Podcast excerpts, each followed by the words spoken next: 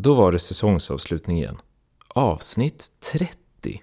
Den här säsongen har tagit lite tid att få ut på grund av livet i övrigt, men jag hoppas att ni har haft överseende med detta.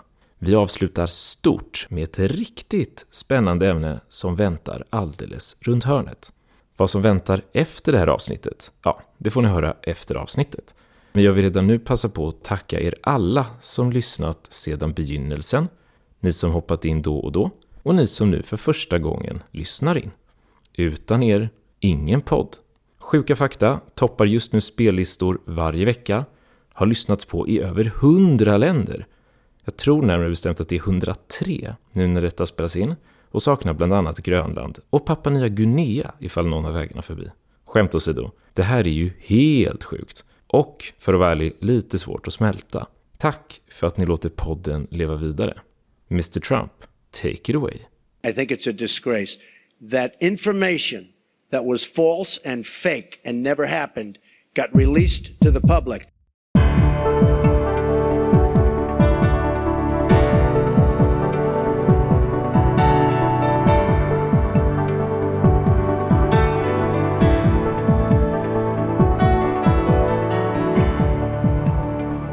Hej och hjärtligt välkomna tillbaka till Sjuka fakta.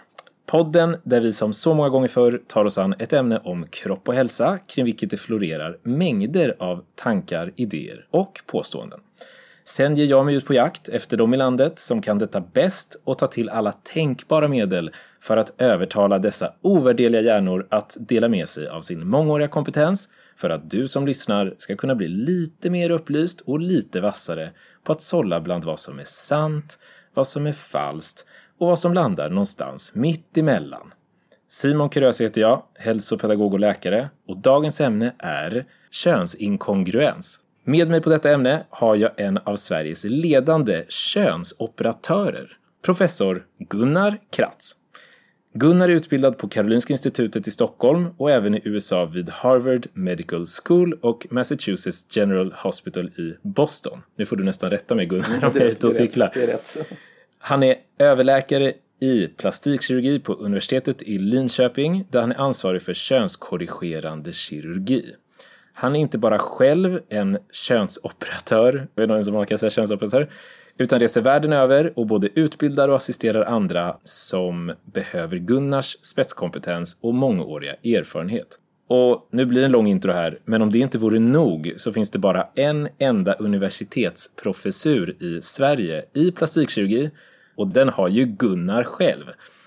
Nu ska vi inte tro någonting annat här, men som ni hör finns det ingen annan i vårt land och kanske rent utav väldigt få på vår planet som skulle kunna hjälpa oss bättre att reda ut alla nyanser av hur det är att göra det som förr ansågs ligga i Guds händer enbart.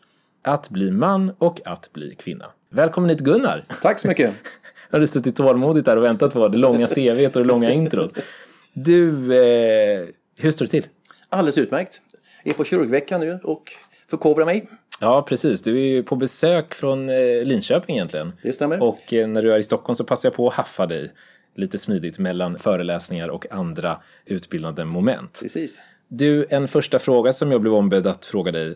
Vad har du för titel på ditt visitkort? Eh, där står det professor och överläkare i plastikkirurgi. Mm. Kort och gott. Ja, Inte könsoperatör. inte könsoperatör. Nej, får, kan man säga könsoperatör? Säger du Nej, jag, operatör jag, jag bara? har aldrig eller? hört det tidigare utan man säger nej, plastikkirurg. Med eh, specialinriktad på genital kirurgi kan man säga. Det låter lite mer städat och korrekt. Nej, för det här, vi kommer ju komma in på det strax, men det här med hur man benämner saker i det här fältet är lite som att gå mellan glasskärvor och på äggskal. Alltså. Ja, lite så är det och det beror på dels på att vi har ändrat namnen under årens lopp.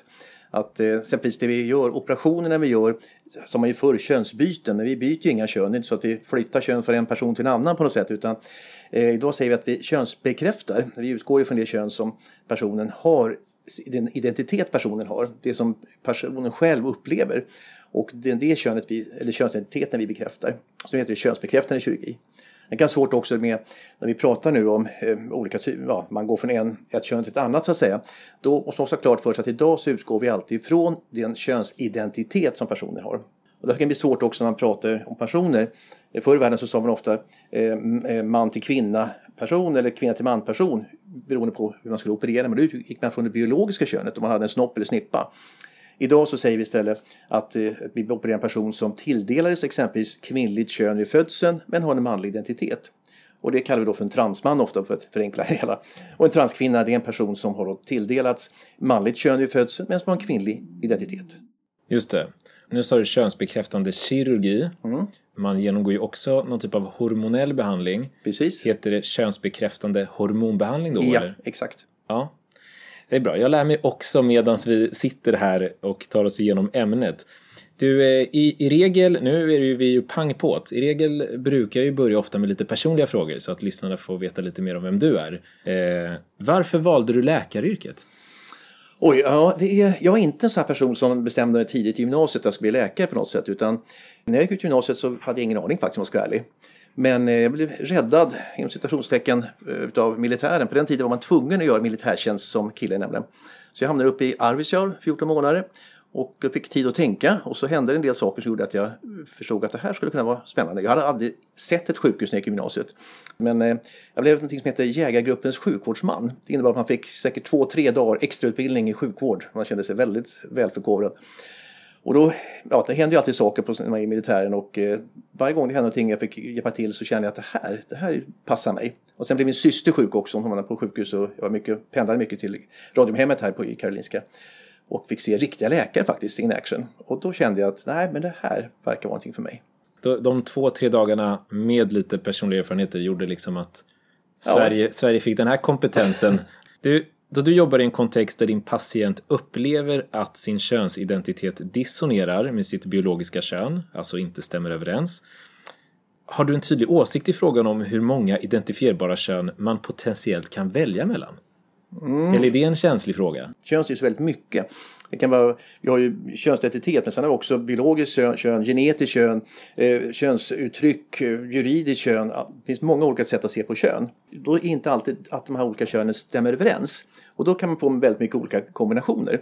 Men pratar vi om könsidentitet, hur man upplever sig, då upplevs ju de flesta har en klar upplevelse om man är, att man är man eller kvinna. Sen de personer som kommer till mig som har en könsinkongruens eller könsdysfori som det kallas. Då råkar det inte stämma med det genetiska biologiska kön man har. Men de är ju övertygade om vilken könsidentitet. Så där är man man eller kvinna. Eller så har man då inte den upplevelsen att man är man eller kvinna och det vi kallar för, för icke-binär. Och det kan ju vara väldigt, ja, ganska stort område, flytande område som är, idag inte har definierats så väldigt bra egentligen. För det är en personlig upplevelse att man, man känner sig varken som man eller kvinna eller känner sig både och. Att man vill inte eh, hamna i ett fack där du är man, eh, du är, man, du är en kvinna. Och det spiller ju ofta över lite grann på andra saker i samhället också. Man vill inte klassas in i olika fack. Då kommer man in på den här queer-rörelsen som då ofta man slår ihop tillsammans med icke-binär ibland. Men det är queer lite större ändå för då är det, vill man inte delas in i fack whatsoever. Medan eh, just icke-binär då pratar vi just om könsidentiteten, att det inte är ettor och nollor. Och eh, det bakomliggande orsaken är att man kan uppleva att man är man eller kvinna, det vet vi inte idag. Vad är det bästa med att jobba med könskorrigering? Eller könsbekräftande kirurgi. Nu måste jag försöka rätta mig själv här under samtalsgången. Ja. Jo, det, ja, men det bästa med det här, jag, jag som kirurg, jag älskar att operera. Jag, efter kirurgkursen termin 8 så bestämde jag, eller under kirurgkursen på en gång, kirurg ska jag bli bara. Så jag började vicka väldigt tidigt innan jag var färdig läkare som kirurg. Och sen har jag sökt mig fram till ett område där man får operera väldigt mycket och väldigt brett. Eh, för inom plastikkirurgin så är vi ju inte begränsade till olika kön eller olika åldrar och sådana saker utan vi opererar på alla typer av människor och det är våra metoder som begränsar oss egentligen. och gör att vi har väldigt mycket olika eh, operationer att genomföra. Och inom plastikkirurgin så är könsbekräftande kirurgin skulle jag säga det område, det subområde där man får göra absolut mest olika operationer. Och, så det är väldigt roligt. Och det andra det är att patientgruppen, eller person, de personerna som jag får till mig, de är en väldigt, väldigt trevlig grupp. Dels är de, ja, för att vara läkare så är det intressant att jobba med personer som är fullt friska, ofta unga, väldigt, väldigt väl pålästa. De kan det här lika bra som du själv i princip, ibland till och med bättre, de nya sakerna som händer på forskningsfronten. Så att du måste vara påläst och du kan diskutera med patienten. Det är inte det att du kommer och talar om för patient, personen att ja, så här ska vi göra, utan det är hela tiden en dialog. Och det tycker jag är väldigt roligt. Mm.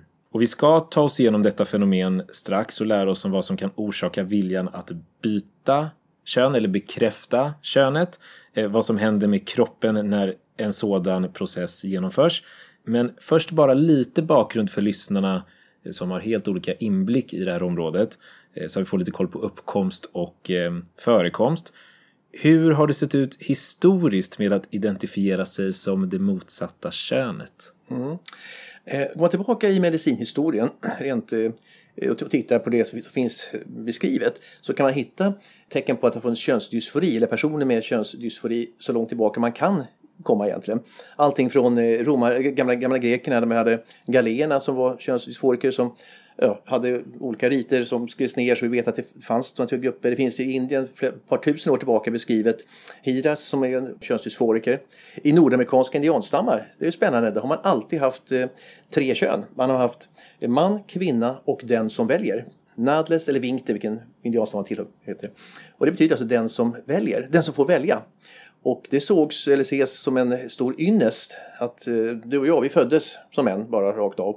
Fick inte välja, men det finns några fåtal eh, människor som har blivit rörda av gudarna och fått möjligheten att själv välja. Och det är lite spännande att man långt, långt tillbaka i historien alltid har tyckt det helt naturligt i nordamerikanska indianstammar att ja, ibland så får man välja. Hur länge har man sysslat med eh, könsbekräftande kirurgi då? Mm, det är också lite exakt, men man kan säga att de här, återigen, de här eh, galéerna i Grekland, de hade faktiskt en liten rit för sig att de en gång per år så var det några av då, eh, transkvinnorna som helt enkelt eh, skar av sig penis och gjorde en penisamputation. Och det kan man ju säga, det är ett första steg egentligen. Och det var ett par tusen år sedan. Eh, men pratar vi nu modern tid och mer västerlandet så de flesta har väl sett filmen kan jag tänka mig, eh, The Danish Girl, som beskriver det som brukar kallas för det första försöket till ett modernt eh, könsbekräftande operation. Och historien stämmer ganska väl, de missar lite grann på slutet det, men stämmer ja. ganska väl. Klassisk var, filmindustrin. Och... Klassisk filmindustri, ja, för att de missade faktiskt någonting som skulle gjort den ännu, ännu mer spännande. Men eh, den, där beskriver man ju då, eller det han handlar ju om det man kallar för första försöket till könsbekräftande kirurgi. Och det var ju en, en dansk person som hade tilldelats manligt kön vid födseln och så ja, lång historia kort. Med hjälp av sin hustru så eh, insåg han att men, jag är ju kvinna och tog sig ner till Tyskland. Eh, till en person där som hade ett institut för sexual science. Och eh, fick hjälp till en kirurg och helt enkelt ville försöka göra ett, kön, ett könsbekräftande operation. Det innebar i stort sett att man gjorde en penisamputation. Och det överlevde hon faktiskt. Det är, bara det är ganska stort. Men sen fick man lite hybris där och eh, hon ville nämligen ha barn. Och då tänkte man, ja men då tar vi en livmoder från en avliden kvinna och stoppar in där inne så blir det nog bra. Det här var så 30, början på 30-talet. Det var långt innan man visste någonting om eh, graft versus host som kallas att vi inte bara kan flytta organ hur som helst utan att trycka tillbaka immunsystemet. Det stöts ju bort och sådana saker. Och man kunde, kunde väldigt lite om infektioner och sånt också. Det slutade givetvis med att hon gick bort. Lilly Elbe som hon hette. Eh, så det brukar inte räknas som den första lyckade om man säger så. Mm. Utan den mer lyckade, det var egentligen Eh, Charles Bernot hette en, en, en, en, fransk kirurg som eh, hade en, en partner som hade könsdysfori, en transkvinna som han träffade och började helt enkelt lära sig och utveckla metoder för att kunna göra könsbekräftande kirurgi på transkvinnor början på 50-talet. Och han öppnade en liten klinik nere i Casablanca och opererade väldigt mycket där. Han, var, han publicerade ingenting, gick inte ut med någon reklam på något sätt och åkte aldrig på några vetenskapliga möten och berättade om den metoden han utvecklat utan det spreds helt enkelt eh, med mun till mun bland personer med könsdysfori i världen. Så det var ett lämmeltåg från hela världen till hans klinik där. Och det är fortfarande så att i eh, USA är det ofta man säger när man har sparat ihop sina pengar för att kunna genomgå operationer, för det får du ofta betala själv. När pengarna finns där och du ska boka tid och ska åka iväg och göra din könsbekräftande operation, då säger man I'm going to Casablanca. Det är häftigt. det, det blev ett uttryck. Mm, det blev ett uttryck då. Men han var den som egentligen gjorde, la grunden till allt det vi gör idag när det gäller transkvinnor. Och han åkte, han var som sagt var inte ute och föreläste och sådana saker utan det slutade med att det var några amerikanska kirurger som hade hört talas om det här och sa att vi måste få se vad han gör. Så de åkte med ner och mer eller mindre kidnappade honom på ett vänligt sätt och tog med honom till ett möte i Las Vegas där han fick stå helt enkelt bara och rita på tavlan vad han gjorde för något. Och det är grundläggande delen där, det är det vi fortfarande använder faktiskt. Ja, jag får nästan eh, ståpäls. Det är, det är ju eh, imponerande. Mm. Och hur någon har verkat ganska isolerat för att sen bara få möjlighet att presentera det för, för skrået mm. så att man kan ta det där vidare. Ja, det är faktiskt det. Och hur har ditt arbete på området, liksom genom åren under ditt yrkesliv påverkats av, för vi kommer komma in på det också, men den här debatten där man ibland kan hävda att kön är en social konstruktion eller inte existerar. Har det på något sätt påverkat ditt jobb tycker du? Inte så mycket kan jag säga. Jag eh, började med det här i början på 90-talet. Mm. Och eh, de där diskussionerna var ju off, framförallt lite tidigare, 60, 70 och början på 80-talet. Man menar att det, det, man kan uppfostra ett barn till vilket kön som helst. Och det gjordes tyvärr också experiment med det på 60-talet. Så alla visade att det går inte. Så jag har inte drabbats så mycket av det. Att man skulle kunna uppfostra någon till ett visst kön. Utan eh, det, det, nej, det kan jag inte säga. Nej. Bra, jag tycker vi börjar få en ganska gedigen bakgrundscheck på området och lite på vem du är som person Gunnar och din resa och det är minst lika intressant tycker jag. Eh, för dagens samtal, så här brukar upplägget vara egentligen, nu går jag lite av manus, men brukar vara så att vi har några huvudföreställningar. Mm. Och så tar vi oss igenom dem precis i början. Mm. Och sen så kommer vi återkomma till dem i slutet. För att de ska funka som någon liten sån här, lite bowlingränna och se att vi faktiskt håller oss inom, mm. Inom området. Men under tidens gång kommer det ju en, en eh, jäkla massa saker som, som slängs i din väg. och föreställningarna är idag som följer. Barn och ungdomar får bestämma sig för att genomgå könsbekräftande kirurgi utan att föräldrarna kan göra något åt saken. Känslan av att vara född i fel kropp är oftast en missriktad känsla av annat psykiskt illabefinnande. Könsbekräftande kirurgi minskar förekomsten av psykisk ohälsa och suicid. Könsinkongruens går att växa ifrån. Om man genomför könsbekräftande kirurgi finns det ingen återvändo och könsdysfori går hand i hand med sexuell läggning. Känner du igen alla dem, några av dem eller? De känns bekanta. Ja, de känns bekanta. det har man hört ett antal gånger här. Ja, det är, då, då, då är vi på rätt spår. Mm, det är väl lite det, det som är, det är väl lite det som är tanken. Du, eh, lite koll på dig, lite koll på historien. Nu ska vi försöka få lite eh, kontemporär inblick och insikt i det här området. Så det blir några snabba frågor, men för att börja i någon ände, hur många genomgår könskorrigering i Sverige varje år? Mm. Eh, ingen exakt siffra, men däremot kan jag säga att det är eh, ungefär 450 stycken personer som ansöker och får tillstånd på Socialstyrelsens rättsliga råd. Sen går inte alla igenom alla delar i de operationerna som finns. Utan en del kanske bara, transmän kanske bara väljer att ta bort brösten och inte göra en penis och så vidare och några enstaka gör ingenting alls. Eh, så att runt en 300 ungefär bör genomgå den här operationen per år. Nu har vi haft en pandemi och det gör att eh, väntetiden har ökat förstås. Så att eh, om vi kommer igång nu med operationer ordentligt så kommer det säkert bli betydligt flera per år i början här. Vi har då en backlog som det heter med patienter som väntar. Mm. Och vilken av dessa ingrepp är vanligast? Mm, det är lite spännande för att fram till 2013 då var det en väldigt stor övervikt utav transkvinnor, det vill säga personer som hade tilldelats manligt kön vid födseln men som har en kvinnlig könsidentitet. Och det tog vi som en självklarhet ända fram till 2013 då det plötsligt bara vände. Dels så var det en väldigt, väldigt ökning av totala antalet personer som ansökte eller som kom in i de här behandlingarna. Eh, men det var också plötsligt en övervikt av transmän. Så var spännande. Och det, så har det varit så under ett antal år här fram till ungefär nu. Nu har det jämnat ut sig, så nu är det ungefär 50-50. Och vad var det som, har man funderat kring vad som hände där 2013 eller där kring... Väldigt mycket har man funderat på det kan jag säga. Och först så tänkte vi att det här är självklart. Därför att det hände nämligen någonting 2013. Det var att vi lyckades ändra lagen. Man, man ändrade lagen efter att vi hade lyckats trycka på en del. Innan nästan, den lag vi har i Sverige som reglerar det här, den är från 1972. Och den var väldigt modern när den kom. Många andra länder kopierade den sen för de tyckte att oj vilken modern lag. Men sen har den liksom inte ändrats och då har, har mycket hänt i samhället. Det stod bland annat i den här lagen att man för att få genomgå könsbekräftande kirurgi och få byta kön som det hette på den tiden eh, så fick man inte vara gift. Eh, man måste vara svensk medborgare och man fick inte ha fortplantningsförmåga.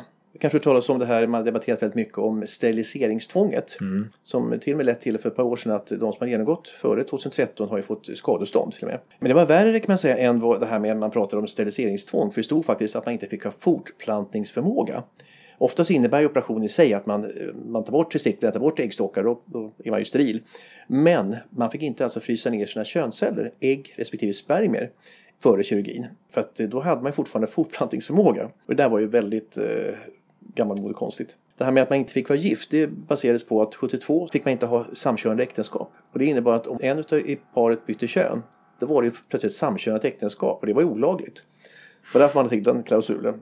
Men det här med fortplantningsförmågan, det enda vi kunde hitta när vi tittade på vad det berodde på, det var att de som stiftade lagen var oroliga för att det skulle gå omkring skäggiga män med stora magar, mer eller mindre. Det var ju som den nivån på. Men 2013, vi är långrandig. 2013. det är ingenting, det är, jag lyssnar. Vad som hände då 2013 var att då lagen äntligen ändrades. Då var bort det här med att man att, eh, inte fick vara gift, med att man inte fick ha fortplantningsförmåga Och det här med att man var tvungen att svensk medborgare ändrades till att man ska bo till Sverige ett, ett år som det brukar vara. Och eh, då tänkte vi direkt efter när vi såg den här kraftiga ökningen det, det året, ja nu förstår vi förstås, det är ju lagändringen. Det är självklart, titta vilket nytta vi har gjort med att ändra lagen.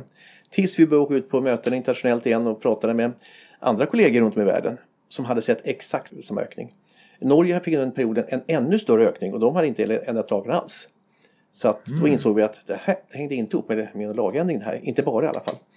Sen var det vad som hände, om det var en, ja, inte, troligtvis är det att man fick mer eh, man pratade mer om det, media pratade mer om det. Personer som inte hade förstått vad det handlade om insåg plötsligt att "Ja, men här ska de kanske gå och prata med någon som, som, som, som kan sådana här saker. Det är det troligaste.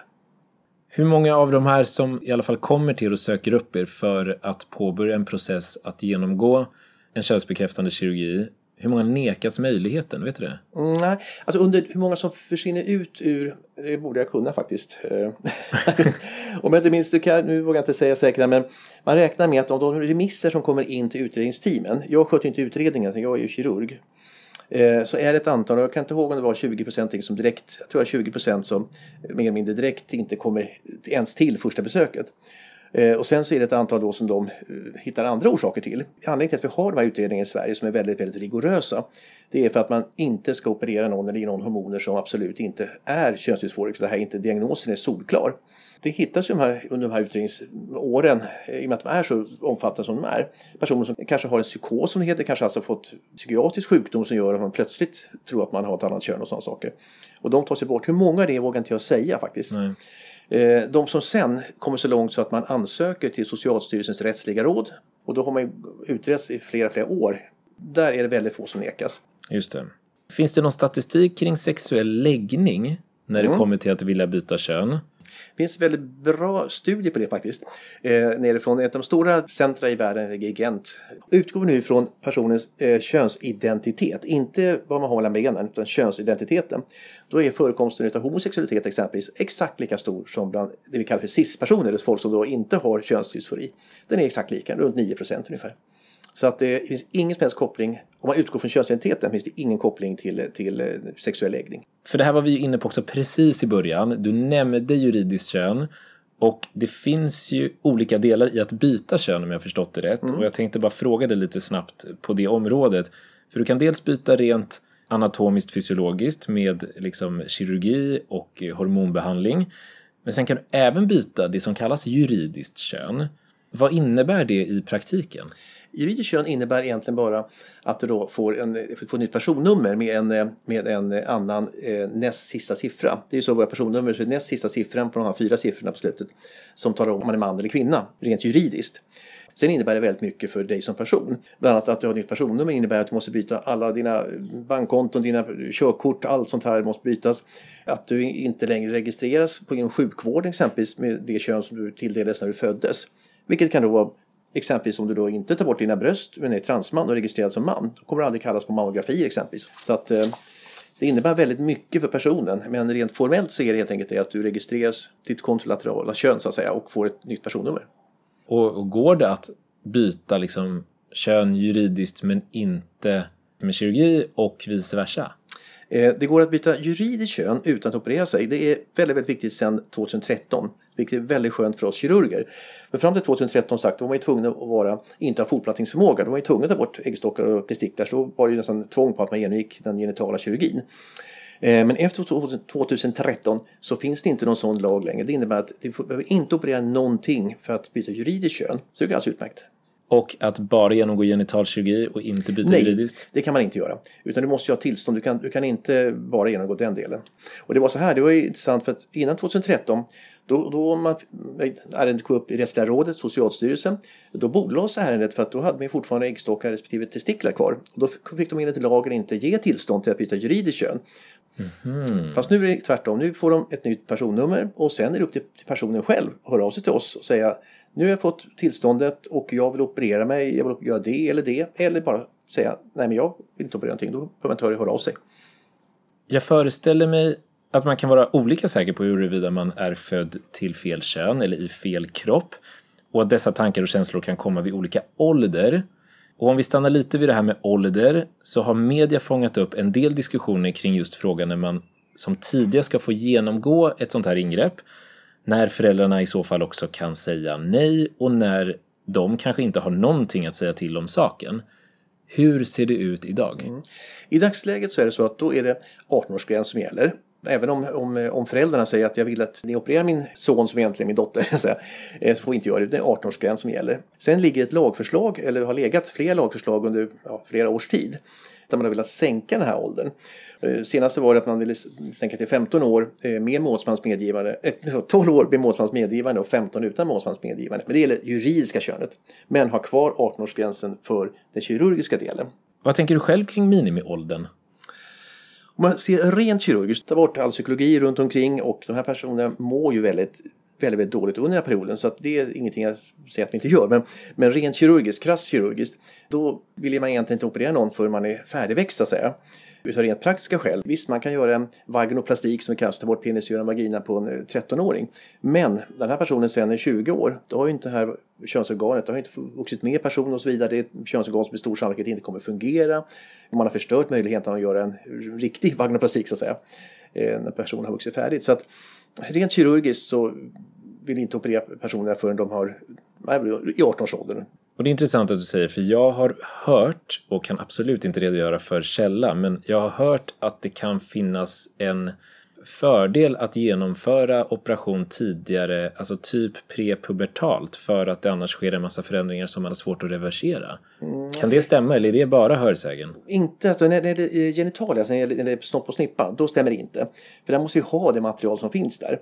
Och eh, dessutom då gör man då en, en använder material som finns på en 13-åring så räcker det till en väldigt liten vagina exempelvis. Som inte kommer växa med patienten. Och då har du en vagina som inte går att använda när personen är 20 år eller 16 eller 17 år.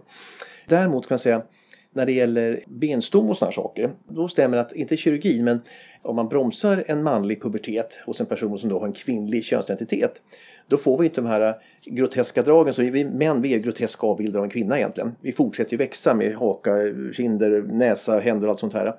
Och det kan man kirurgiskt sett inte dra tillbaka. Hur mycket kvinnliga könshormoner ska ge till dig så skulle du i alla fall ha dina manliga, din manliga skelett. Det skulle då rent praktiskt vara en stor fördel om man skulle stoppa den manliga puberteten. För då slipper du dels brösttillväxten som vi tar bort i vanliga fall, slipper de här manliga dragen i ansiktet och sånt där. Så att hormonellt för det ena typen av byte eller korrigering så kan det finnas en, en poäng. Men det lever ju inte i ett vakuum så att det kanske är lite knepigare än så att Ja, och det här lite med att stoppa, stoppa puberteten har ju diskuterats, eller det har inte bara diskuterats, det har, man, har vi gjort under ett antal år i Sverige också och runt med i världen. Nu har du säkert sett läst i media att det har varit väldigt mycket diskussioner kring det. Och en diskussion är då vad, vad är det som händer, vad är, man andra delar i kroppen, mental utveckling och sådana saker. Eh, men för oss kirurger så kan man säga att stoppa puberteten hos en transman, en person som har tilldelats kvinnligt kön vid födseln, men har en manlig könsidentitet. Där finns egentligen bara kirurgiska fördelar för att ska man då stoppa puberteten och sen ge personen då manliga könshormoner för att genomgå en manlig pubertet. Då ska den här personen då, som annars skulle ha fått ett bröst och alltihopa, får inga bröst som sagt, man slipper göra ta bort brösten, det vi kallar för mastektomi, får kvinnliga drag och så vidare. Och när det gäller våra möjligheter att göra en penis, det vanliga sättet att göra en penis är att vi använder klitoris. Och de, den tillväxer ju då under den här puberteten när man får manliga könshormoner. Och då har vi bättre förutsättningar att göra en bra penis. Åt andra hållet, på en transkvinna, en person som tillhör manligt könfödseln men som har en kvinnlig identitet. Där, visst, det kan få, få en bra brösttillväxt, vi slipper lägga in bröstimplantat, men samtidigt så får vi ingen penisutveckling. Penisen och penishuden är det material vi använder när vi gör vaginan. Så att då står vi i ett läge där vi saknar det material vi brukar använda för att göra vagina. Jag var inne lite på ålder och nu tänker jag lite mer kring det här med inställningen till byte och hur man liksom eh, tar och, och särskiljer, jag vet inte hur jag ska uttrycka det här på ett bra sätt, men, men identifiera vilka som behöver genomgå sådana här processer. Det är ju en del av utredningen också som du kanske inte är eh, fullt helt delaktig i. Men jag fick höra inför det här samtalet av min lillebror faktiskt att han har läst någonstans att de flesta barn ifrågasätter sitt kön någon gång under uppväxten och då är min första fråga, är det något du kan bekräfta eller dementera? Ja, jag kan dementera kan jag säga. Eh, det är här från den gamla dynamiska psykiatrin när man påstod att alla flickor har velat stå och kissa, alla har haft snoppavund som det kallas för, man är övertygad. Jag vågar nog säga att går du ut och frågar dina kollegor här runt omkring eller dina vänner runt omkring så är det nog väldigt få av dem som kommer säga att de har, som barndomen hade, hade problem med, med sin könsidentitet. Och en följdfråga i den här familjetråden då från min mor som är psykolog undrade så här Vet du något om hur man kommer fram till skillnaden i utredning mellan ett naturligt ifrågasättande kring identitet, lite på samma spår, i unga år och att vara kandidat för den här typen av bekräftande process? Mm. Jag kan inte gå in i detalj på exakt hur de här utredningsteamen gör men de har ju, det är ju en väldigt, väldigt rigorös utredningsprocess. Den här personen genomgår ju ett väldigt stort antal tester, inte bara när det gäller just eh, könsdysforin, de genomgår ju alla tänkbara psykologiska tester du kan tänka dig när det gäller alla andra typer av eh, ja, personlighets, eh, psykologiska eh, påverkan på, på personligheten.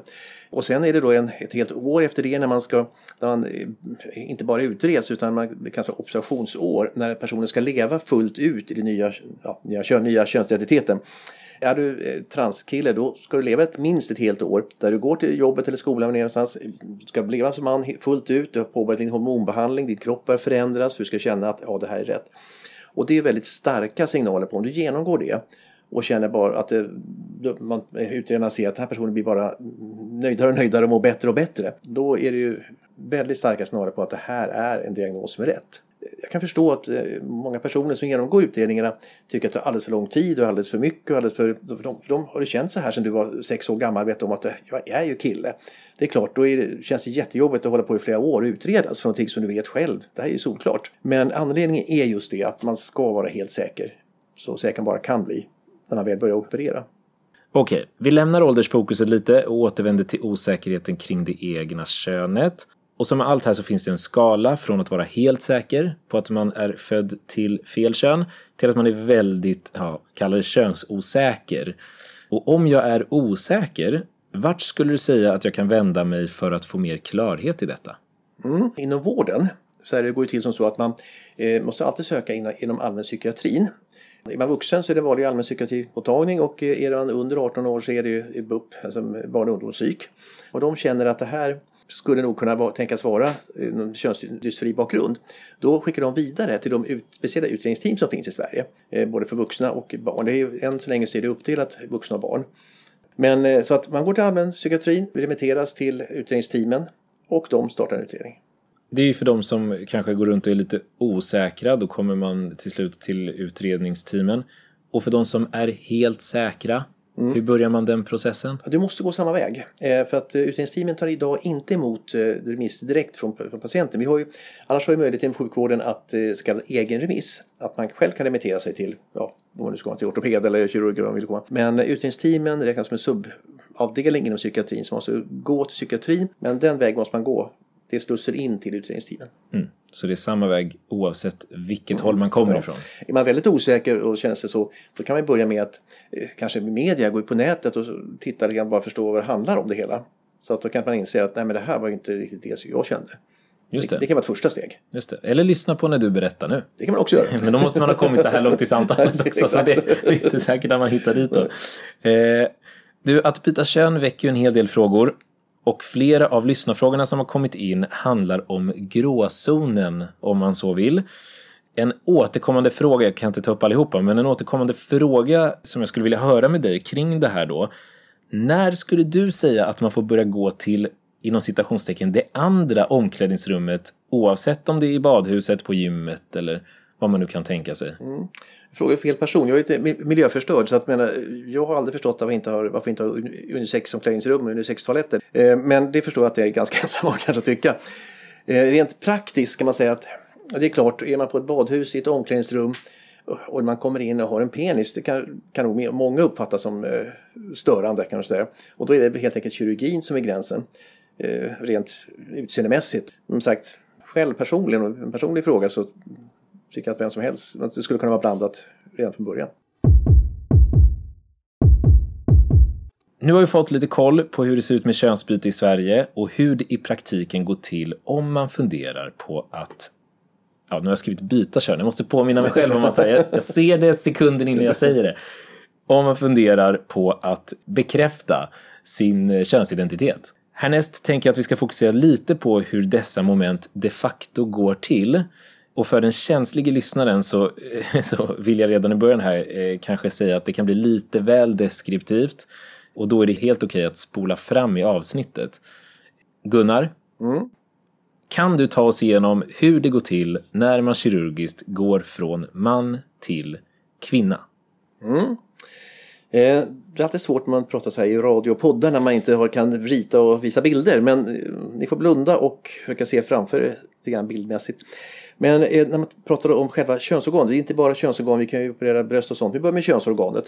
Eh, normalt sett vad vi har framför oss det är då en eh, person som har en penis, som har testiklar och som har pung.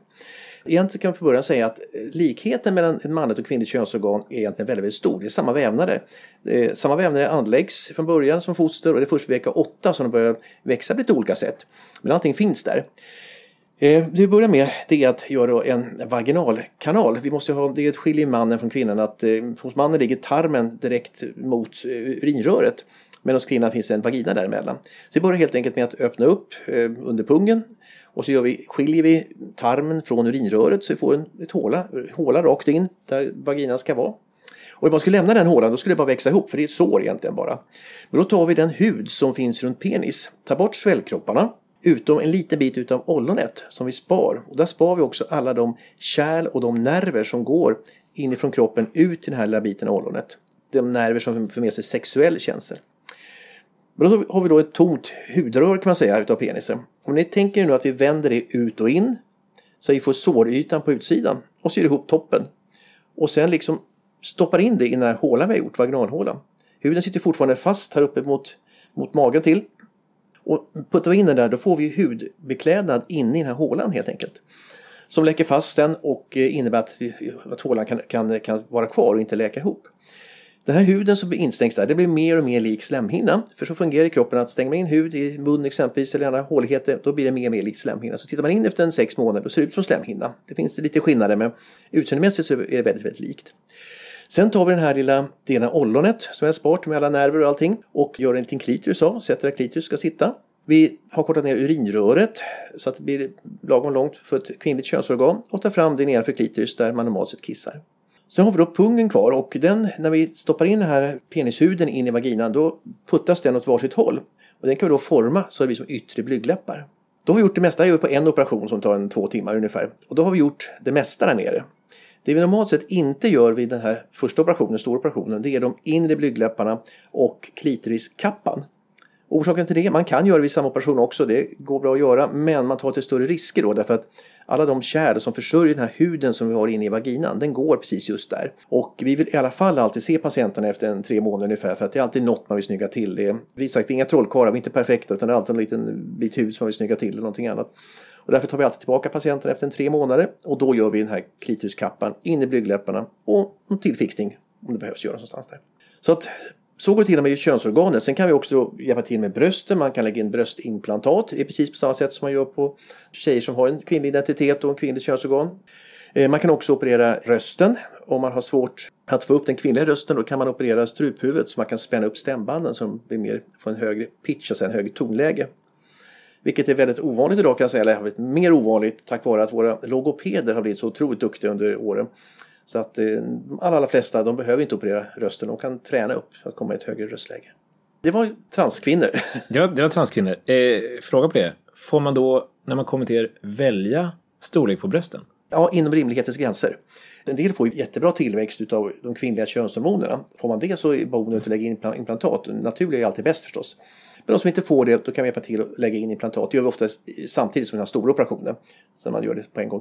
Och då kan man välja storlek. Eh, man får prova med rispåsar innan och så att man får välja en storlek som då är inom rimlighetens gränser. Det måste ju kunna gå att lägga in också. Men det brukar aldrig vara något problem. Eh, personer de är så välinformerade som väljer moderata och liksom, lämpliga storlekar. Och kan man njuta sen av samliv? Eller hur fungerar det med den biten när mm. man är opererad? Du har, du har ju eh, din, din, din klitoris som är gjort av av ollonet och där har du en sexuell känsel. Eh, problemet i början kan vara att de får för mycket känsel för vi sparar ju alla de nerver som går ut i hela ollonet men vi sparar bara en liten bit av ollonet.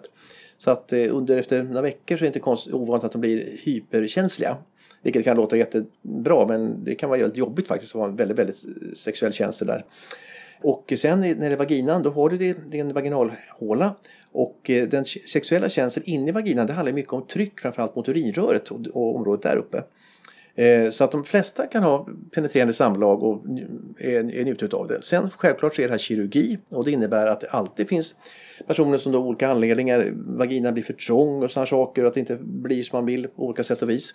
Så att eh, den här ja, huden inne i vaginan som blir slemhinna, det finns lite skillnader mot en, en medfödd vagina. Och det är att den fuktar lite mindre, mindre lubrikation som vi säger. Så att ska man penetrera sex så det, måste man ofta ha glidslem. Och det andra det är att den har lite större tendens att dra ihop sig. Alla vaginer vill ju dra ihop sig lite grann om man inte använder och inte har penetration. Men om man eh, har en opererad vagina, en neovagina som vi kallar det för. Den har en större tendens. Så de här personerna måste dilatera, de måste alltså eh, spänna ut vaginan kontinuerligt för resten av livet. I början gör de det eh, tre gånger om dagen. Har en eh, gummistavar för oss, dildos helt enkelt. Som de stoppar in och har i 20 minuter. Tre gånger om dagen i början, sen två gånger om dagen, sen varannan dag, Och så mer och mer sällan. Men man hamnar nog vanligtvis på kanske en, två gånger i veckan. Att man måste eh, dilatera vaginan för att den ska hålla sig öppen. Antingen det eller att man har ett eh, fungerande penetrerande sexliv. Så jag brukar säga att jag är nog den enda doktorn som får skriva ut sex på recept. För att, eh, har, du, har du penetrerande sex då behöver du inte använda stavarna. Utan antingen eller. Men det är liksom ett måste egentligen för att annars kommer den dra ihop sig för mycket. Ja. Jag förstår. Och en av våra föreställningar är ju att det blir eh, bättre resultat kirurgiskt att gå från just man till kvinna än vice versa. Stämmer det? Ja och nej. Det är, vad som är lättare att gå från ett manligt könsorgan till kvinnligt är att ett manligt könsorgan så ligger väldigt mycket vävnad på utsidan. Vi har mycket att jobba med. Det finns gott om material. Men åt andra hållet när vi ska göra ett manligt könsorgan då har vi mindre tillgång till vävnad här nere. Så då måste vi antingen flytta ner vävnad eh, Man kan flytta ner ett, ett rör av hud från var som helst på kroppen egentligen. Eller använda det som finns där nere och då får man räkna med en ganska liten penis. Eh, så att på det sättet så är det inte lättare men bättre resultat. Eh, sen rent tekniskt så kan man säga att det är fler tekniska moment när man gör ett kvinnligt könsorgan än på ett manligt. Så att då kan man säga att det är lättare att göra ett manligt. På ett kvinnligt könsorgan så får du ett könsorgan som i stort sett ser ut att funka som ett, ja, vilket kvinnligt könsorgan som helst. På manliga sidan så har vi då ingen metod som är helt perfekt. Och därför har vi två.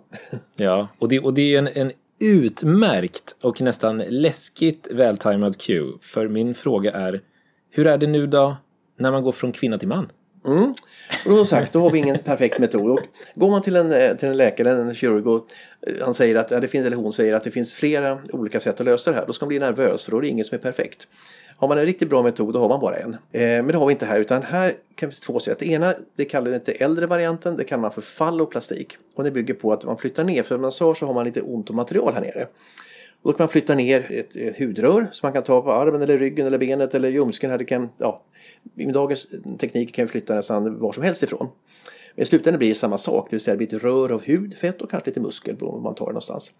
Eh, och det hudröret kan man sedan skulptera. Vi kan eh, tatuera ett ollon, vi kan göra ollonfåra, vi kan lägga in testikelproteser och göra en pung, eh, ytterblygdläpparna. blygdläpparna. Så man kan göra en penis som ser vill säga, hyfsat bra ut. På några meters håll går det. Sitter man så här nära och tittar som du och jag med två meter från varandra och tittar då ser man att det är någonting som är opererat. Man ser ärr, man ser att färgmatchen inte stämmer. Rent visuellt så är den halvbra kan man säga. Funktionellt så saknar den väldigt mycket därför att den har ingen sexuell känsel. Man kan få beröringskänsel men inte sexuell känsel. Man kan på inte stånd av sig själv utan måste ha andra hjälpmedel. Man får lägga in eh, olika, det finns olika typer av silikonstavar, det finns pumpsystem och sådana saker. Men någon form av hjälpmedel för att kunna få stånd på det. Och eh, man kan inte räkna med att kunna stå och kissa med den. Andra varianten det är vi kallar för, för metaplastik eller metoidoplastik. Eh, den är tvärtom, den bygger på att man använder det som finns där nere. För de här personerna de får ju då som sagt hormonbehandling och de flesta som kommer till mig har ju kanske stått ett par år på hormonbehandling på manliga könshormoner. Och då tillväxer klitoris. För de här personerna då som har tilldelats kvinnligt kön vid födseln, en klitoris den är under hela livet eh, kan man kicka igång den med testosteron med manliga könshormoner. Annars då, om man tilldelas manligt kön vid födseln, när vi har genomgått vår manliga pubertet, då stängs de här receptorerna i penis av. Så att eh, all eh, reklam du får om testosteronpiller och sånt där, det funkar inte, den växer inte. Eh, Men däremot en kvinna som får testosteron, plötsligt börjar klitoris gå in i manlig pubertet och tillväxa. Så den blir betydligt större än det på en kvinna som inte har fått testosteron. Och den här förstorade klitorisen, den kan vi då använda. För den ligger ju gömd till stora delar. Det man ser i klitoris det är bara några procent, själva toppen, själva ollonet på den. Resten ligger gömt under klitoriskappan och mot eh, blygdbenet. Och det kan vi ta fram alla de här. Sen använder vi vaginans tak. Och eh, vaginalslemhinna är väldigt, väldigt lik den slemhinna som finns inne i urinröret. Och sen är det en kontinuitet mellan urinrörsmynningen och vaginans mynning. Så vi kan helt enkelt göra, vi kan fälla fram den här slemhinnan och göra ett rör utav det. Och sen använda inre blygdläpparna till att göra en, en penisstam och ytterblygdläpparna till en pung och lägger en testikkelproteser i. Och då får man en peniskonstruktion där för och nackdelarna är precis tvärtom mot den förra jag berättade om. För att den här har eh, sexuell känsel, man kan få stånd med den, man kan stå och kissa med den, den ser ut precis som en penis, men den blir som en tumme ungefär. Så den har storleken emot sig. Medan den andra, det var storleken som har stora fördelar med den andra. Så här måste man personerna helt enkelt välja. Vi pratar mer än vissa bilder, diskuterar för och nackdelar. Och sen får man tänka efter, de får tänka efter, vad är viktigast för mig? Är det viktigaste att, eh, att jag kan fylla byxan bra? Är det viktigast att penetrerande sex med en partner och tillfredsställa henne eller honom? Ja, då är det den stora som gäller. Är det viktigast för mig att jag kan sätta mig i en bastu och ingen ser att den opererar utan tror att bara att det är en väldigt liten penis? Ja, då är det den lilla. Vill jag kunna stå och kissa garanterat? Ja, då tar jag den lilla. Du sa att den stora med fallplastik, den har ingen sexuell känsel? Nej, inte sexuell känsel. Beröringskänsel kan den få, men inte sexuell känsel. Den har man kvar i klitoris då, som ligger under. Det man kan göra eh, det är att man kan då fälla upp klitoris och lägga den precis vid den här penisbasen på den här stora. Och då kan man ibland känna när man har penetrerat sex att när den går i botten så att säga så kan de, inte ute på toppen på den, men nere vid basen. Ja, för jag tänkte bara fråga, kan, kan de individerna sen få orgasm? Mm. Eh, de har ju sin, sin klitoris kvar. Vi tycker det här låter väldigt komplicerat men jag pratar med personer så många av dem skrattar och säger men jag har varit ihop med min, min tjej i 15 år. Vi, det här löste vi för länge sedan. Vi har så bra så att det, det finns andra sätt att stimulera än att stimulera toppen på penisen. Mm. Ja, snyggt. Bara så att då har vi det tydliggjort också. Ehm, varför transplanterar man inte en penis? Mm, det är en väldigt vanlig fråga. Ja. Det, Satan, då var man inte unik där. Men det... Nej, det finns till och med ett speciellt namn för det. Men det har ju utförts eh, några få i världen penistransplantationer, alltså från en avliden person till en levande person. Det är tre, fyra stycken stort som är publicerade, det är en som har en kvar tror jag. Eh, det har inte varit eh, person med könsdysfori. Utan det var personer då som har varit med canceroperationer, stora olyckor och sådana saker. Och, och varför orsakar man inte gör det oftare då? Och inte på den här patientpersongruppen med som var könsljusfri? Jo, vi känner till det här med bortstötningsreaktion. Att flyttar jag en organ från dig till mig så stöter mitt, min kropp bort den, känner igen att det inte är min. Därför måste man då sänka immunsystemet eh, som man gör vid njurtransplantationer, hjärttransplantationer, lung, ja, alla de här transplantationerna. Med ganska mycket risker givetvis. För att ta bort immunsystemet så får man då större risk för infektioner, cancer och sådana saker. Problemet för oss är att hud, det är det absolut mest immunogena organ vi har. Det innebär att ska man transplantera någonting med hud på, vilket penis har, då får man trycka tillbaka immunsystemet många, många gånger starkare än om man transplanterar ett hjärta exempelvis. Och det innebär att de här riskerna blir ju skyhöga. Och eh, då ska man väga risker mot vad man kan vinna. Och då har de här personerna har ett fungerande sexuellt organ. Den här personen har exempelvis en klitoris med full sexuell känsel som man kan stimulera och få sexuellt. Ska vi då transplantera, då riskerar vi dels alla de här komplikationerna på grund av att vi trycker tillbaka immunsystemet. Dels riskerar vi att förstöra sexuella känslan för då ska vi försöka använda de här nerverna till klitoris till att koppla till den här penisen som löper en väldigt, väldigt stor risk att genomgå en bortsynsreaktion. Man får liksom räkna med att den här kommer någon gång stötas bort även om vi trycker tillbaka immunsystemet till botten nästan. Så förr eller senare kommer det stötas bort från kroppen och då står du utan någonting. Pågår det forskning på liksom penistransplantation? För jag tänker det är ju inte ett litet fält och en liten sak att försöka lyckas med. Mm. Nu är vi mer inne på det medicinska egentligen. Mm. Därför att eh, det perfekta peniskonstruktionen det är ju egentligen det, är det vi kallar för metoidoplastik, den här klitorispenisen vi gör. För det, det är precis samma vävnader och samma material. Det är ju en perfekt penis egentligen, men den blir så liten. Och då har vi flera forskningsprojekt på gång eh, och har genomfört och håller på gång nu också. Titta på, kan man få den här bli större? Kan man få den att växa? Och en tanke är då att kunna stimulera den med eh, lokalt testosteron på plats när den är opererad och sedan den fortsätter växa.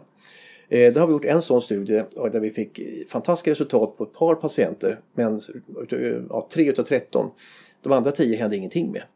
Och det håller vi titta på just nu. Varför är det så? Vi måste ha en metod så vi kan säga till patienten att det här är i alla fall 90% chans att det funkar. Annan tanke är att kunna odla de här precis som vi gör. Vi odlar ju hud till brännskador och sagt urinrör odlar vi till folk som behöver det. Och brosk och ben och sådana saker. Ska man kunna odla de här cellerna som finns inne i svällkropparna, odla upp dem och transplantera tillbaka. Det händer mycket, vi tittar mycket på möjligheter. Men det handlar framför allt om ja, hur vi kan hjälpa kirurgin på olika sätt. Och om vi hoppar liksom till efterförloppet då. Vi har liksom genomfört operationen. Vilka möjligheter finns det nu att ångra sig? Mm. Eh, då kan man säga att eh, på vilket håll man har gått då, så att säga. På en transman, där har vi gjort en senfalloplastik exempelvis, alltså en stor penis. Eh, då har man ju alla möjligheter för då har vi inte rört så mycket egentligen. Man kan ju ta bort den här penisen. Tar man bort eh, falloplastiken då är penisen borta. Har man inte genomgått en vaginektomi, det sa vi inte förut, men de här patienterna erbjuds också att ta bort hela vaginan. Även om vi, vi eh, med använder vaginaltaket så är det en rest kvar. Men har man då kvar vaginan, då har man ju det man ska ha där nere. Om man har inte rört klitoris och inte gjort någon operation på den, ja då finns det också där. Så då kan man rent genitalt gå tillbaka väldigt bra.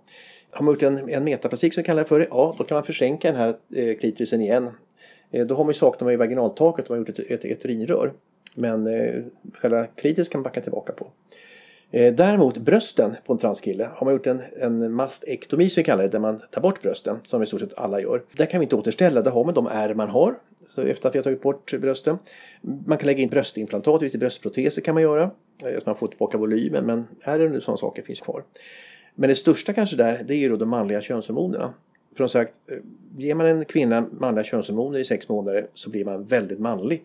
Du får det här utväxten som vi pratade om här, större haka, näsa, allt sånt här, skäggväxt, hårväxt på kroppen. Och det backar inte tillbaka.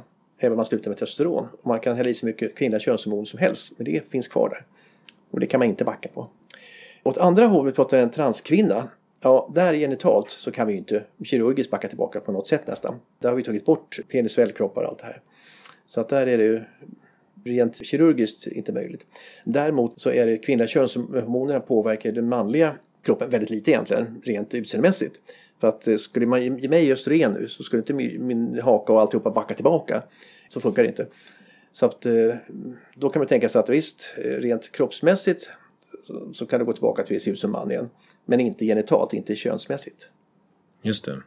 Finns det någon som försökt ändra tillbaka vid olika stadier i processen och hur vet man i så fall när gränsen är passerad? Jag skulle säga som transman, då är det kanske ett av de största milestonesen det är då när du, när du har börjat med manliga könshormoner. För att det förändras så otroligt mycket av testosteron som du inte kan backa tillbaka på. Återigen, eh, här nere kan man då, i vissa fall så kan man ju återställa det, det genitala, det könsmässiga vi har gjort. Men könshormonerna går inte att backa på. Och på en transkvinna däremot då har du sagt om kön, kvinnliga könshormonen så lite effekt åt det hållet. Du har ju kvar din manliga, med din manliga ansiktsdrag, din manliga skelett och så vidare. Eh, så där är det ju den genitala kirurgin som är stora gränsen. Och hur många skulle du säga är det enligt din erfarenhet som faktiskt ångrar sig? Det är väldigt få. Vet, statistiskt sett vet vi att det är bra under 1% som då säger att de kanske ångrar att processen har gått igenom. Det vi också vet är att eh, många av dem säger att de ångrar inte eh, ja, det här med att de plötsligt inte är längre könsdysforiker. De vet vilken könsidentitet de har fortfarande.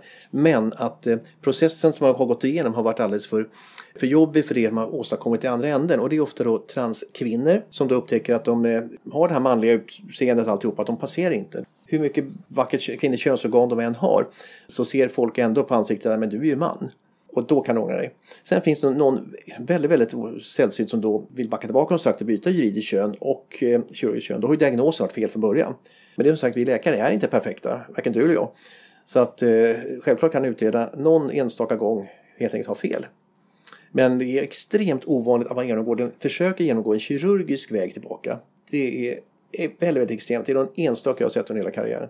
Och varför jag frågar överhuvudtaget är ju för att när jag också har gjort lite efterforskningar inför vårt samtal så finns det ju ändå en viss debatt som kommer återkommande kring det här med att man inte ska låta förändringen ske för för lättvindigt, eller vad man ska säga.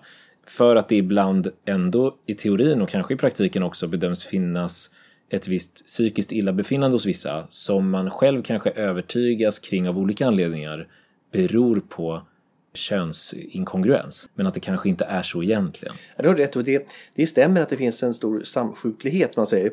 Andra typ ADHD och Asperger och sådana saker. Framförallt hos, hos eh, transkillar som är mycket mer förekommande där än bland en cis-befolkning. Eh, och det har man ju debatterat väldigt mycket inom psykiatrin, vad det beror på, om det är en koppling eller om det är helt enkelt så att du lever i den här fruktansvärda situationen och att du då påverkas åt något håll eller om det finns en samsjuklighet som är i sig. Just det. Vad säger du om jag säger att man kan växa ifrån känslan av att vara född i fel kropp? Eh, när jag började då var det ganska många äldre. För det var de som sökte psykiatrin på 70 80-talet och fick höra att de var psykiskt sjuka och skulle bli botade med slänggungor och kalla isbad. Eh, och det gick ju inte då. Och då vissa av dem överlevde, de klarade sig, tog inte livet av sig, vilket väldigt många gör. Och då eh, ja, har de försökt leva då i den här rollen de tilldelades vid födseln. Och sen när då samhället har gått framåt och de förstår att de kan få hjälp med det här, då dök de upp och kanske var 60, ibland till 70 år gamla. Men alla de berättade samma sak. Jo men det här har jag vetat om sedan jag var 6 år eller 7 år. Jag alltid kände mig alltid jag var liten. Jag kände mig alltid fel att jag ville inte heta Peter. Jag hette ju Jenny. Jag ville inte ha killkläder och sådana saker. Och, eh, och då är det personer som har en, trots allt eh, gått genom livet och fått så, så mycket emot sig. Bara höra att de är psykiskt sjuka, att det, det, du är konstig som tänker så här utav vården och ändå så sitter det kvar. Så jag har väldigt svårt att se att de ska kunna växa ifrån det. Sen ska man inte eh, backar man ner till väldigt unga personer. Det vet vi inte, ska jag vara ärlig nu och säga. Vi vet ju inte nu om man börjar utreda personer som är 8-9 år gamla och som man tycker det här är en könsdysfori. Hur många av dem har kvar det sen när de är 18 år? Och det är det som ligger i den här debatten. När ska man börja med behandling och sådana saker? Den jobbigaste perioden för en transman är ofta under puberteten exempelvis. När man märker att den här kroppen som fram till puberteten var ganska kvinnlig egentligen. Och så plötsligt så börjar alla de här groteska manliga dragen. Och det är klart, då är, där har ju risken för suicid väldigt stor. då kan man hjälpa dem idag med stopphormoner så man bromsar det här. Vänta med det med puberteten och se hur mår personen nu? Och då märker man då att ja, men det här är, vi är ännu mer säkra på att det här är en könsdysfori. Så kan man sätta in då en könskonträr pubertet. Att man får då könshormoner, kvinnliga i det här fallet då, könshormoner, så man får genomgå den pubertet som man har identitet. Eh, och då, när man har de här delarna som inte innebär att man opererar, och kan hjälpa dem. Då ser jag inte en anledning att man ska skära i dem före 18 års ålder egentligen. Utan då, nu finns det metoder, det finns eh, hjälp så att eh, de kan gå igenom den här perioden på ett acceptabelt sätt. Bra svar. Det finns ju också en, en yttring, tillika en lyssnarfråga som har återkommit några gånger, att det också skulle vara lite trendigt numera, som också skulle kunna förklara en del i den här ökningen. För mig som person som står lite på sidlinjen mot det här området så känns det helt overkligt att man genom en trend skulle vara beredd att genomgå hela den här omfattande processen. Men, men så kanske det är. Jag tror inte att de som kommer så långt så att man har diagnosen och ansöker om tillstånd och sådana saker hos Socialstyrelsen och kommer till kirurgi. Där har jag svårt, kan jag inte se att det skulle vara en trend egentligen. Utan där är nog att, att den delen har ökat, det beror nog mer på att vi har, vi har minskat mörkertalet att det var väldigt många. Det är sagt i början på 90-talet när jag började med det här så hörde jag otroligt mycket historier med det att de, man fick ingen hjälp helt enkelt. Och man tog livet av sig eller så försökte man på något sätt hanka sig fram för att vara det kön som samhället hade bestämt att man skulle vara fast man inte var det egentligen. Och de grupperna nu när det finns en större acceptans och vi pratar om det, vården förstår vad det, vad det handlar om. Gick du till en, till en eh, vårdcentral kan jag tänka på 70-talet och sa att du, du, var kvinna fast du hade, hade en snopp så hade de säkert fått en remiss till eh, någon psykvård som inte handlar om könsdysfori tror jag.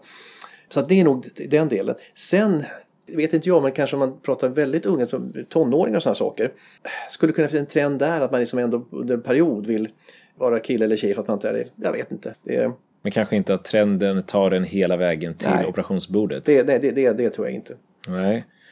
Ett stort kapitel som rör könsinkongruens eller känslan av att vara född i fel kön är den psykiska ohälsan som följer med och som vi varit inne på nu och jag tänker att vi ska försöka undersöka lite närmare först och främst kanske, hur ser det ut med förekomst av psykisk ohälsa bland de som genomgår den här typen av förvandling? Mm, den är väldigt hög.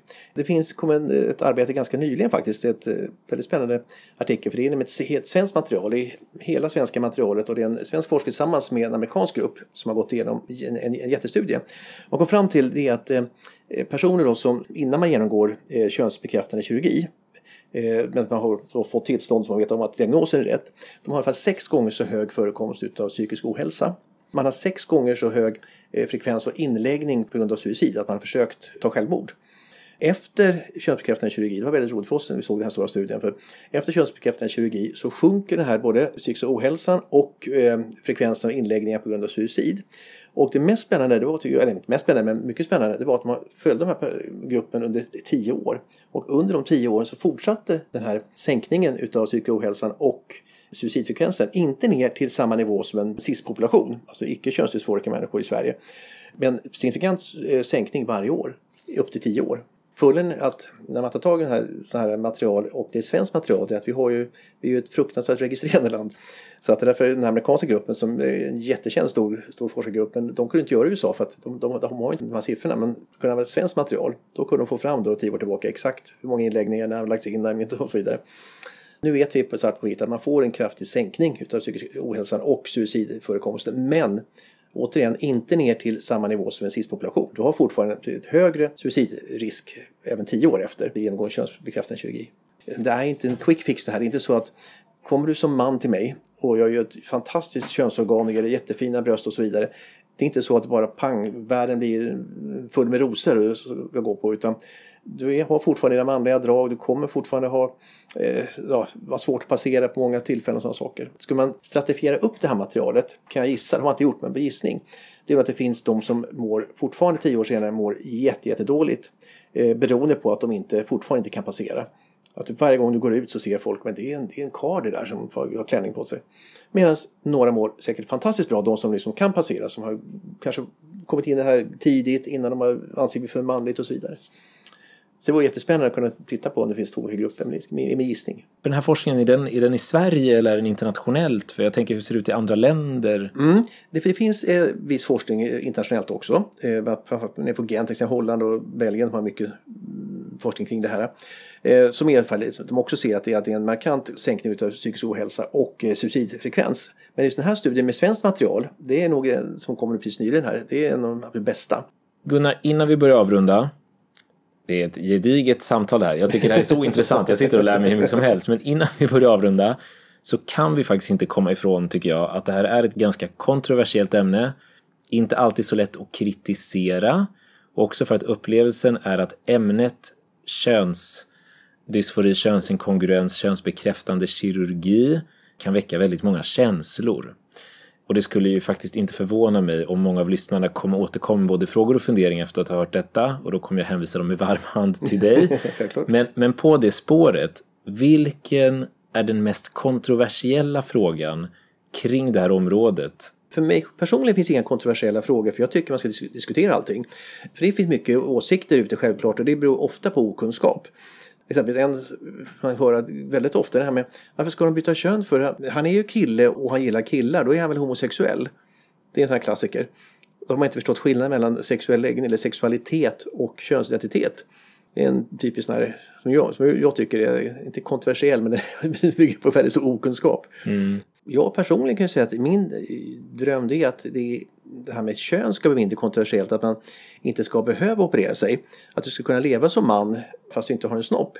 Eller vice versa. Och det är intressant, för det kan jag säga att det tycker jag mig märka att det är fler och fler transkillar som väljer att inte operera sig genitalt, inte göra en snopp. Nu är de metoderna inte lika bra som transtjejer förstås, men de säger att det fungerar väldigt bra. Kanske har förhållande med en, med en heterosexuell tjej sedan eh, tio år tillbaka och det funkar alldeles utmärkt. Mer åt det hållet när det gäller transmän än transkvinnor. Det verkar mycket lättare för en transman att leva ett normalt liv sexuellt också utan snopp än det är för en transkvinna att leva ett normalt sexuellt liv med snopp. Mm. Det är sådana här små detaljer bakom kulisserna ja. som, som, eh, man kanske inte riktigt vet varför. Vi nämnde det här förut, så vi får se om det är så att vi gör någon ihopklipp eller hur vi nu gör. Men en rubrik i debatten är att kön enbart skulle vara en social konstruktion. Och vi ska försöka att inte bli för politiska här. Och du har sagt att du kanske inte riktigt håller med om det och hänvisat till, till eh, historia och där man tidigare har försökt med olika experiment. Vad skulle du säga är den stora skillnaden mellan könen?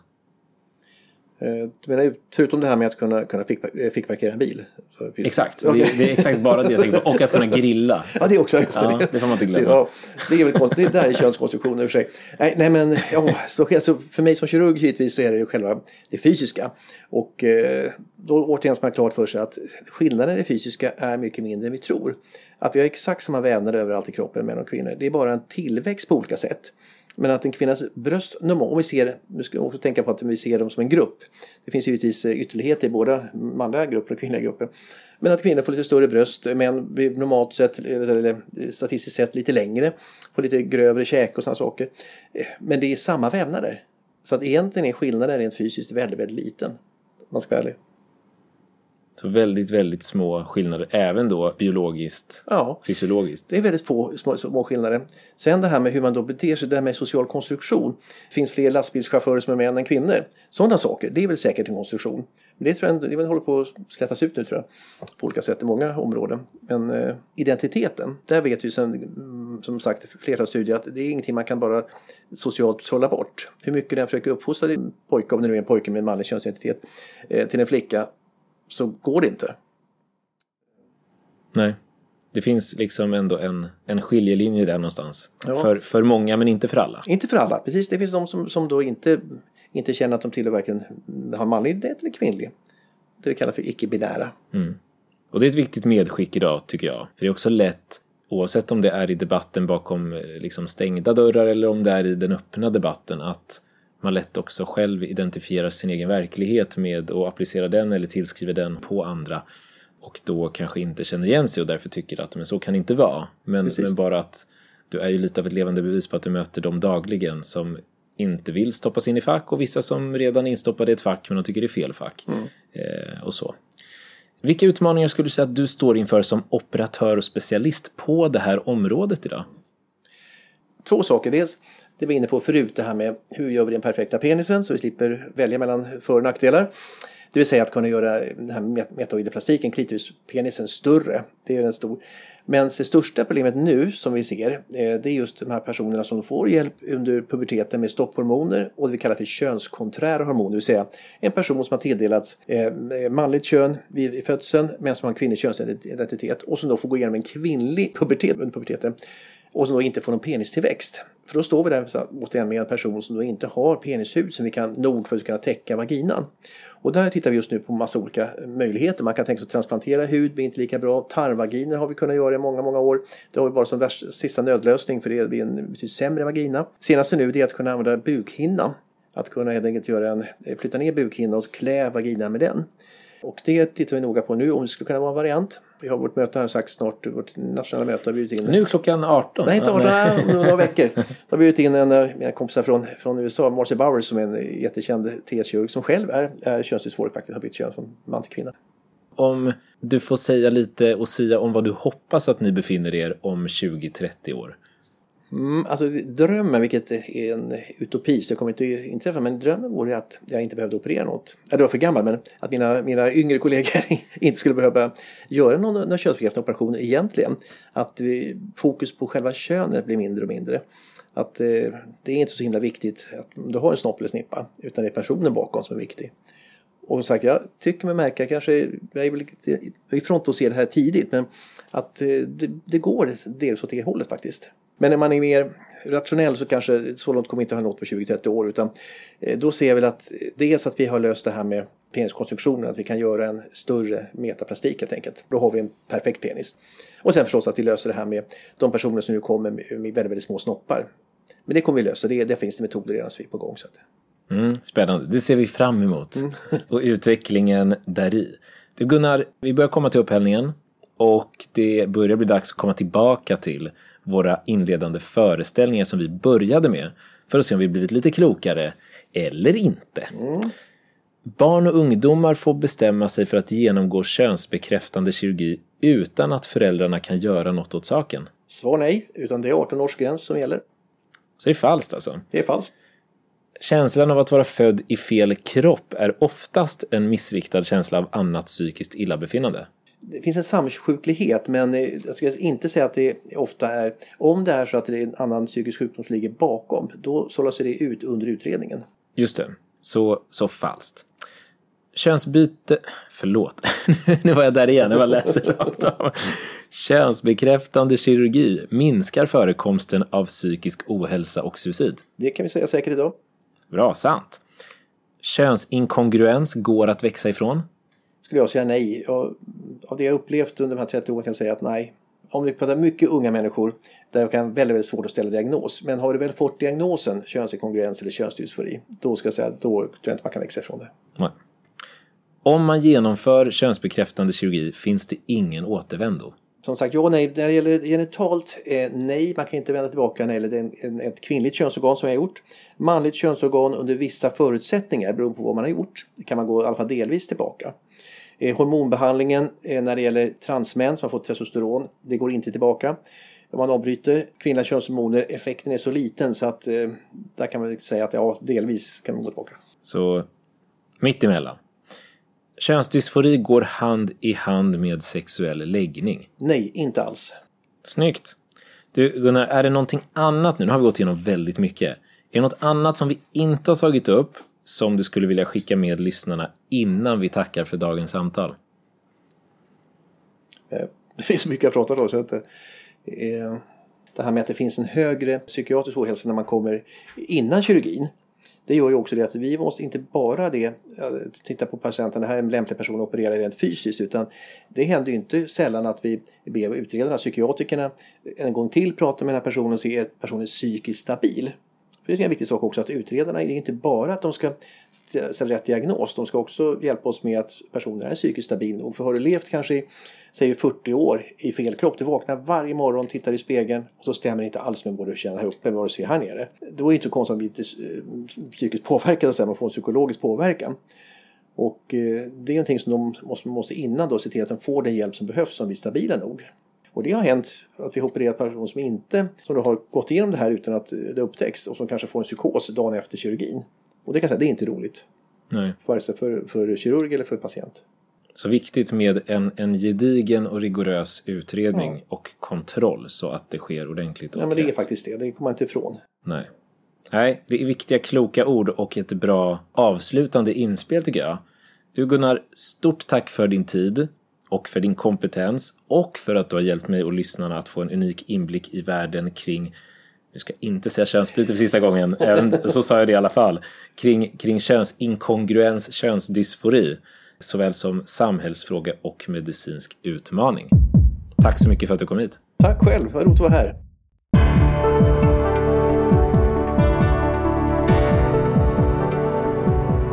Avsnitt 30 med Gunnar Kratz en av världens främsta kirurger på kön, done.